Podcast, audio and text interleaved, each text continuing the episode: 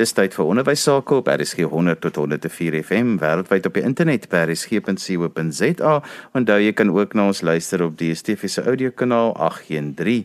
Ons gesels vandag in ons in die onderwys oor groot klas onderrig, iets wat verlede jaar so klein bietjie agterweë gebly het oor ons kinders so 'n groot deel van die jaar by die huis was en nou dat hulle ook baie keer terug is, dan is hulle nog steeds in kleiner groepe, maar ons het nog steeds groot klasse as 'n mens dit vergelyk met die res van die wêreld. My gas vandag is Susan van 'n Jefer onderwyskundige. Susan, as ons praat van die term groot klas onderrig, wat bedoel ons daarmee? Dit uh, kom gewoonlik daarop neer dat dit 'n groot klomp leerders is wat onder die leiding en die of die onder wat onderrig word deur een onderwyser. Maar daar is interessant genoeg nie eensstemmigheid. Jy weet oor wat 'n groot klas eintlik is nie. Klasgrootte verwys na die getal leerders in 'n spesifieke klas onder die leiding van 'n spesifieke onderwyser. Nou dis egter nie 'n uitgemaakte saak wat presies 'n groot klas is nie. Ek het so 'n bietjie in my navorsing ehm um, gekyk uh, hoe sien onderwysers dit. En dit is interessant dat onderwysers se persepsies van klein en groot klasse ehm um, baie verskil. En gevolglik is dit moeilik om groot in terme van getalle te definieer. So is onderwysers wat byvoorbeeld gewoond is aan klein klasse van 10 tot 15 sal dink jy weet sy vir 'n klas van 20 staan, oeg, dit is onmoontlik vir my terwyl ander wat weer gewoond is aan aan groot groepe van 40 sal heel veel verlig wees as daar 'n kleiner klas voor hulle is. Nou, ek kan voortgaan en sê dinge wat 'n invloed het op onderwysers se persepsies van groot klasse is byvoorbeeld die grootte van die klas uh, in vergelyking met ander klasse in die skool of dan in die area. Die ondervinding van die onderwyser speel ook 'n belangrike rol in in die uh, sy persepsie van die klasgrootte. En dan die kwaliteit van sy opleiding. As hy baie goed onderlê is in onderrigmetodes en so aan dan gaan hy nie afgeskrik word deur jy weet 'n groot klas nie. En dan natuurlik ook die vak en die graad waarvoor die onderwyser verantwoordelik is en die algemene werkslading van die onderwyser Susan as jy sê dat die die grootte van die klas word deur 'n onderwyser ervaar in terme van die ander klasse of klasse waarvan hulle bewus is. Gee ons 'n klein bietjie meer detail daaroor. Kyk, dit hang daar baie saam met die vak wat jy ook aanbied. Sou sou ek sê en en ek sou miskien met mense dit eerder, jy weet, daaronder bespreek dat ehm um, wanneer jy byvoorbeeld 'n wetenskapklas het, en jy moet eksperimente doen en sulke dinge, dan ehm um, gaan jy moeilik met 'n groot groep werk en dan gaan jy oorweldig voel half deur die groot klomp want elkeen moet nou 'n uh, 'n uh, apparaat hê en so aan en so aan. Maar wanneer jy dan byvoorbeeld in die geskiedenesklas is, dan gaan dit jy weet jy wat jy wat makliker gaan met 'n groot groep want dan kan jy voor in die klas staan. Jy kan ehm um, jou klassikale onderrigmetode gebruik. Jy kan hulle miskien laat opdeel in klein groepies waar jy weet hulle onder mekaar kan praat en ehm um, sekere vrae kan beantwoord. So dan dan kan dit ook baie goed werk op die manier. Susan, wat is onderwysers se natuurlike reaksie op klasgrootte. So as maakie saak of hulle nou soos jy net gesê het of dit nou 15 of 20 of 40 of 80 leerders is, dit gaan oor die onderwyser se persepsie van wat is 'n groot klas. Maar wat is onderwysers se natuurlike reaksie daarop as hulle voel dat die klas is te groot vir dit wat hulle graag wil doen? Ek het eintlik op 'n op 'n stadium het ek eh, daaraan gedink dat dit maak nie regtig vir my saak dit wat hulle dink is 'n groot klas nie. Is dit 40, is dit 20 of wat ook al. Dit gaan vir my oor wat in die klas aangaan en hoe hulle daai groep hanteer. Met ander woorde dit bring ons dan uit by klaskamerbestuur, goeie klaskamerbestuur. So as daar nie sprake is van goeie klaskamerbestuur in hierdie groot klas nie, dan gaan hulle uit die aard van die saak sukkel. So dit is definitief iets wat 'n baie groot rol speel en interessant genoeg in die navorsing wat wat ek na gekyk het gaan dit in die eerste plek nie oor gesofistikeerde onderrigstrategieë in groot klasse nie. Hulle begin almal beginne met goeie klaskamerbestuur. Want as jy nie 'n onderrigomgewing skep wat ehm um, jy weet uh onderrig en leer gaan laat plaasvind nie, dan kan jy maar vergeet. Dan dan het jy sommer al die stryd halfpad verloor. Dit maak vir my baie interessante punt want baie keer as 'n mens met onderwysopleiding te doen het, dan dan gee jy hierdie strategieë vir onderwysers en meeste van hulle kom na jou toe en sê ek weet daarvan ek het dan so 'n bietjie vergeet hier en daarvan, maar ek weet daarvan, ek is bewus van al hierdie strategieë, maar dit voel baie keer vir my asof hulle dan ook dit net nie doen nie en dit het baie te doen met opleiding en dan oorgaan na die praktyk toe en die realiteite van die praktyk en hoe hulle daai realiteite ervaar. Dit is beslis so uh, Johan, ek het ge gesê goeie klaskamerbestuur gaan oor die skep en die handhawing van 'n ordelike en 'n gedissiplineerde omgewing. Dit is noodsaaklik vir suksesvolle onderrig en leer. Nou laasgenoemde is belangrik vir alle onderwysers, ongeag die grootte van hulle klasse, maar dit raak belangriker in groot klasse waar daar meer leerders is. Dit beteken daar's meer moontlikhede vir jy weet uh, dissiplinêre probleme, daar's meer kanse dat ehm um, leerders sal allerlei dinge aanvang wat hulle nie nie normaalweg weet moet aanvang nie. Dink maar net daaraan waar jy gewoonlik in 'n klein klas nou net een Hanswors het wat uh ehm um, nie eintlik leer op sy agenda het nie. Het jy in 'n groot klas, het jy baie dalk een of twee en en en al hierdie dinge kan jou klas heeltemal ontwrig. Uh, selfs 'n kortstondige oomblik wat hy in die onderwyser net begin rondvroetel, jy weet voordat die klasse aanvang neem ehm um, en iets soek en tydelik net nie aandag gee nie. Kan hierdie klas bel almal. Ons ken mos almal daardie daardie ou of meisie dalk. Die kans gee om die hele klas in chaos te laat ontaard. So uiteraard neem dit dan tyd om almal tot bedaring te bring en in die proses gaan ware 'n waardevolle onderrigtyd verlore. Ons moet onthou leerders is bondels energie en ehm um, dis ook reg so want wie wil nou 'n klomp dooierige leerders voor jou in die klas hê. Maar as jy nie hierdie energie in bedwang hou nie, dan gaan jy vir jouself probleme skep. Jy raak eintlik 'n baie belangrike ding aan wat saam met uh, klaskamerbestuur gaan en dit is natuurlik voorbereiding vir die klas. En daai voorbereidingsgedeelte voel ek nogal is baie keer die ding waar al die probleme van soveel dinge ook begin. Daar is natuurlik baie aspekte van klaskamerbestuur waaroor mense sou kon praat hierso. Maar as jy spesifiek aan die groot klas dink, dan het ek 'n um, paar uitgesonder wat ek gedink het is belangrik. Maar ek voel ook dis dalk 'n goeie idee as onderwysers gereeld sal nadink oor die tipe probleme wat hulle in die groot klas ervaar en dan sal gaan probeer verstaan wat die oorsprong daarvan is. Byvoorbeeld, as iets eenvoudig soos die opneem van huiswerkopdragte elke dag in chaos ontaard en wanorde in die klaskamer veroorsaak, dan beteken dit dat daar moet reëls en prosedures vir hierdie spesifieke aktiwiteit wees en neergelê word as mens wil hê die proses moet ordelik verloop.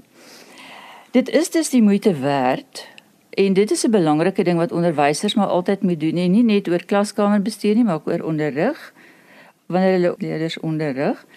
Hulle moet reflekteer oor hulle bestuurstyl en dan besluit of die dinge wat hulle doen bevorderlik is vir orde en dissipline in die klaskamer en of dit daartoe bydra om ontwrigtende gedrag tot die minimum te beperk. Soos ek al reeds gesê, dis geensins nuwe of revolusionêre idees nie, glad nie. Dis eenvoudige en voor die hand liggende dinge en jy het net nou ook daarvan melding gemaak waarvan almal weet maar wat dalk net in die alledaagse gejaag om deur die syllabus te kom in die vergetelheid geraak het. Dis dis beskikbare maar onbenutte kennis. So onderwysers wat dalk nou vandag hierna luister en wat gaan dink, maar ek weet dan al hierdie dinge. Waar, jy weet, hoekom praat sy nou daaroor? Want dis werklik niks niets vir my nie. Nou hierdie mense mag dalk moontlik teleurgesteld wees, ehm um, want dit is dinge wat ons almal weet.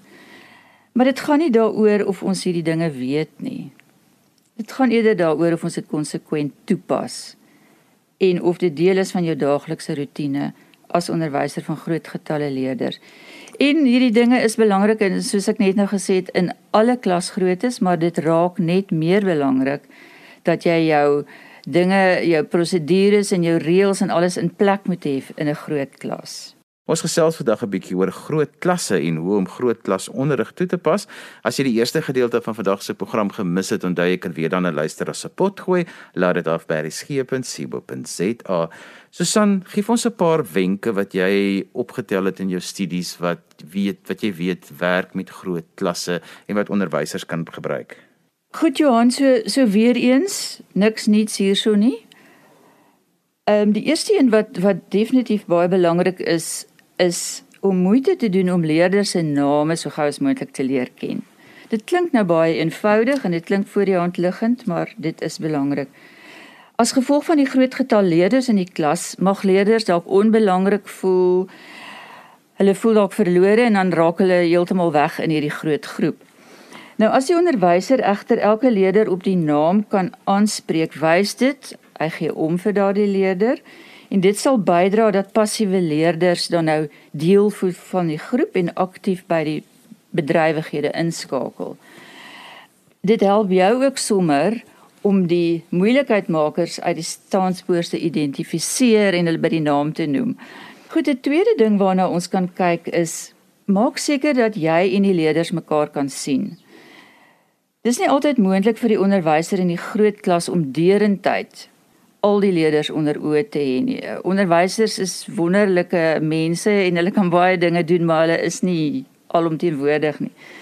Maar dit is tog belangrik om leerdergedrag voortdurend te monitor sodat jy vinnig kan sien wie is nie besig met werk nie, wie se aandag is nie by die werk nie, wie gesels dalk met sy buurman of buurvrou oor vermiddagse bedrywighede ensovoorts en en dan om die die probleme in die kiem te smoor voordat dit dalk in dissipline probleme ehm um, ontaard. Oogkontak is dus belangrik veral met leerders in die agterste rye ook. En dit kan mens slegs doen as jy rondbeweeg in die klas um, in plaas daarvan om heeltyd net weet stil te staan voor in die klas. Nou 'n derde ook voor die hand liggende wenk waar waarop ek afgekom het is ons moet kyk na die vestiging van vaste roetines in die klaskamer.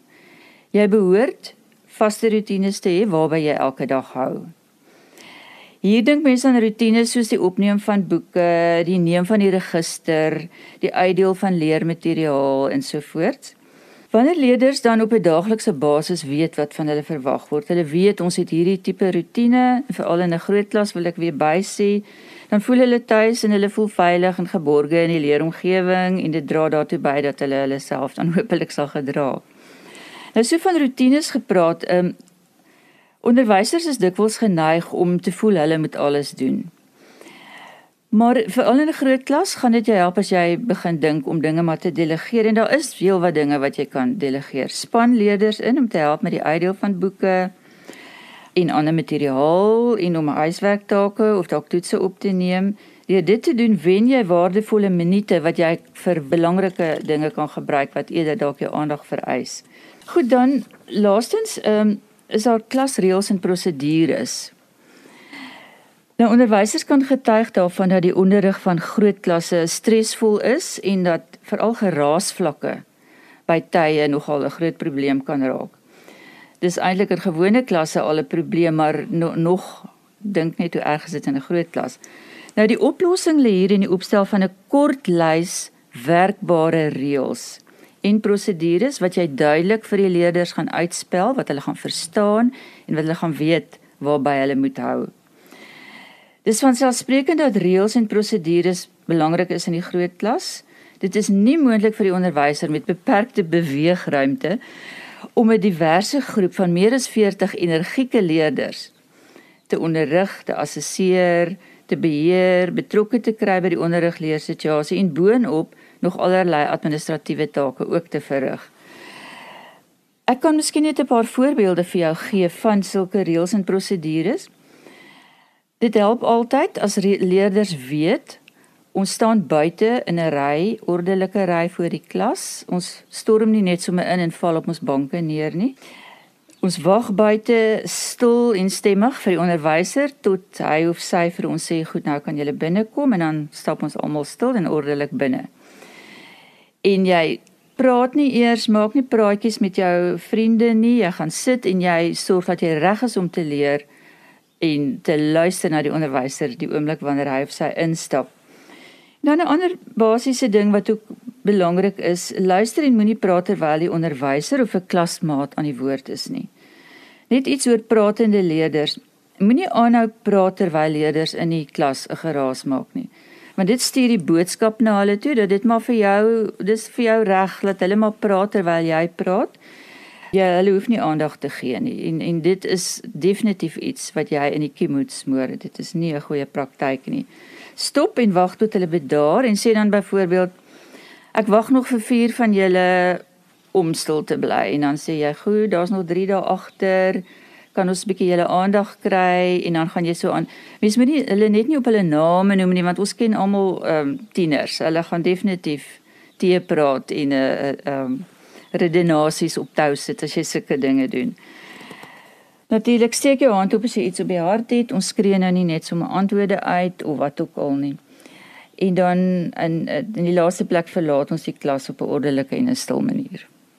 Vir baie mense is hulle hoor van groot klasse en as die eerste logiese antwoord wat hulle vorendag kom, maar doen groepwerk met die kinders en deel dit op in kleiner groepe, maar die realiteit is baie keer dat die groot klas gaan gepaard met 'n kleiner lokaal waarmee die kinders alreeds te veel is vir die lokaal en dan raak groepwerk 'n geweldige uitdaging as gevolg van geraasvlakke, as gevolg van die groepe begin uitmekaar uitgaan en dit. Wat was jou terugvoer daarmee oor groot klasse? Gegee die aard van die groot klasse en al die uitdagings wat daarmee saamgaan, gebeur dit nou maar so dat die meeste onderwysers voorkeur gee aan die oorbekende lesingmetode want hulle voel dis die maklikste en die mees effektiewe manier om in beheer te wees van 'n groot le groep leerders. En die blote gedagte aan enige metode waar die onderwyser nie in beheer is nie, soos byvoorbeeld tydens wat jy nou genoem het aktiwiteitsgebaseerde strategieë soos groepwerk, is vir meeste 'n skrikwekkende gedagte. Alhoewel die lesingmetode beslis sy plek het in die groot klas, behoort dit saam met sulke strategieë gebruik te word waar daar meer aktiwiteit betrokke by is. Want die lesingmetode moedig leerders aan om passiewe luisteraars te wees wat van wie verwag word om kennis gevoer te word die hele tyd. Nou, dit is sodat ons wil hê die kinders moet betrokke raak. Ons wil nie hulle moet net passief sit en luister nie, maar dit behels groepwerk behels die rondskuif van klasmeubels en dit is net nie haalbaar in 'n klas waar die onderwysers skaars plek het om te beweeg nie. So ons sal dus kreatief moet begin dink oor ander meer praktiese metodes wat dieselfde resultate kan lewer. Nou ek het 'n paar geïdentifiseer waarna ons kan kyk. Dit is meer informele strategieë. Mens kry baie nuttige strategieë soos die groepwerk waar waar jy ehm um, jou jou ehm um, spesialis groepe het en dan gee hulle terugvoer en allerlei sulke so dis baie gesofistikeerd maar jy het klein groepies nodig daarvoor en jy het ruimte nodig wat ons natuurlik nie het nie. So ons moet begine dink aan kleiner uh, groepies en en meer informele metodes dalk en dit dan inweef in ons tradisionele les. Die onderwyser sal byvoorbeeld voor staan en klas gee en dan kom sy sê sit julle gou twee bymekaar en kom ons bespreek dit of dat of die ander. Die strategie moedig leerders aan om aktiewe deelnemers te wees in plaas van passiewe luisteraars. Weereens daar het ek gekyk na 'n paar, maar daar is 'n ooraanbod. As mens op YouTube gaan, kan jy gaan kyk en jy gaan definitief iets kry wat jou jou jou onderrigstyl gaan pas, wat jou opset in jou klaskamer gaan pas. Wat belangrik is vir my van hierdie metodes wanneer jy eene gaan kies, is dat jy in gedagte sal hou dat die opdragte wat jy vir die klein groepies gee en die vrae wat hulle moet bespreek en die probleme wat hulle moet oplos, moet hoër orde denkvaardighede ontwikkel want dit is waarby ons op die ouend wil uitkom. Moenie net sommer iets gee wat hulle sommer net lekker oor kan praat net omdat ons kan praat nie. Nee, dit moet werklik um, konstruktiewe gesprekke wees en dit moet soos ek sê hierdie hoër orde denkvaardighede ontwikkel. Nou daar is verskeie. Nou ek het in, gaan gaan kyk in Engels noem hulle dit think pair share. Ek het nou nie gaan probeer om dit te vertaal nie. Dis 'n eenvoudige metode wat gebruik kan word wanneer die onderwyser byvoorbeeld 'n vraag aan die klas vra waarvoor leerders verskillend waaroor hulle verskillende opinies kan hê. Of die onderwyser wil dalk hê die leerders moet 'n definisie van 'n konsep formuleer of voorstelle aan die hand doen oor hoe hulle 'n sekere probleem sou oplos. En dan kan hulle individueel dink aan 'n antwoord. Dan draai hulle na 'n klasmaat voor agter langs aan en ons ruil antwoorde uit. Ons share met ander woorde en dan bereik ons konsensus oor ehm um, die die antwoord. En aan die einde van die aktiwiteit dan kry hulle kans om hulle antwoorde met die klas te deel en terwyl laasgenoem aan die gang is, is die onderwyser die hele tyd besig om aantekeninge op die bord te maak. Dan ook die oorbekende ehm um, denkskrim wat kan mens ook gebruik.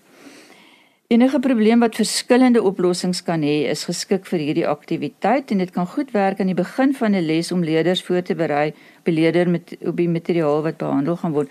Sê byvoorbeeld in die sosiale studies klas besluit die onderwyser res goed ons gaan ehm um, maniere om om om plastiekbesoedeling op strande te te werk gaan ons bespreek dit is die onderwerp van die les, maar die kinders het nou nog nie noodwendig geklomp ehm um, kennis daaroor nie.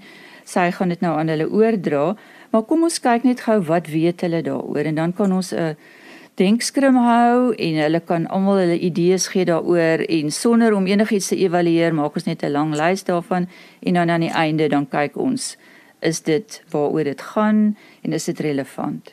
Goed, dan kan ons kyk gou-gou vinnig na die spinnekop diagramme. Hier het ons 'n groep van 2 tot 4 leerders wat dan kan saamwerk aan 'n aktiwiteit. Daar word 'n sentrale idee in die middel van die web geskryf. En op die verskillende vertakkings van die web word daar verbandhoudende idees en spesifieke detail oor die sentrale idee word dan deur die groeplede ingevul. Die aktiwiteit is veral nuttig om 'n klomp nuwe idees te genereer, om uit te brei bestaande idees, om verhoudings tussen konsepte aan te toon en om leerders te help om nuwe kennis in te ver, in verband te bring met voorkennis. Hier dink ek byvoorbeeld aan in die Afrikaanse klas wanneer mense karakter het in in 'n 'n roman dat jy die karakter se naam in die middel sal skryf en dan op verskillende um, vertakkings sal jy karakter eienskappe hê, konflik, handelinge en so meer. En dan onder elkeen van daai kan jy dan nou nog verder uitbrei. En so gesels Susan van den Heever onderwyskundige Susan as mense verder met jou wil gesels oor groot klas onderwys, hoe kan hulle dit doen? Johan, hulle is baie welkom. Ek sal dit eintlik nogal baie waardeer en dit sal vir my lekker wees om um, hulle reaksie te hoor en ook met hulle idees te kan uitruil want hulle hulle staan elke dag in die klaskamer. Hulle weet wat die probleme is. So hulle kan my kontak by ehm um, susanhefer@gmail.com. Die Hefer is H E E V E R. So kan jy gesels met Susan Hefer, sy Susan van den Hefer, maar haar e-posadres is net susanhefer@gmail.com. En daarmee is ons gekom aan die einde van vandag se ons in die onderwys en jy kan weer na vandag se program luister as 'n potgooi, laai dit af by resgep.co.za. daarmee groet ek dan vir vandag tot volgende week van my Johan van Lille. Totsiens.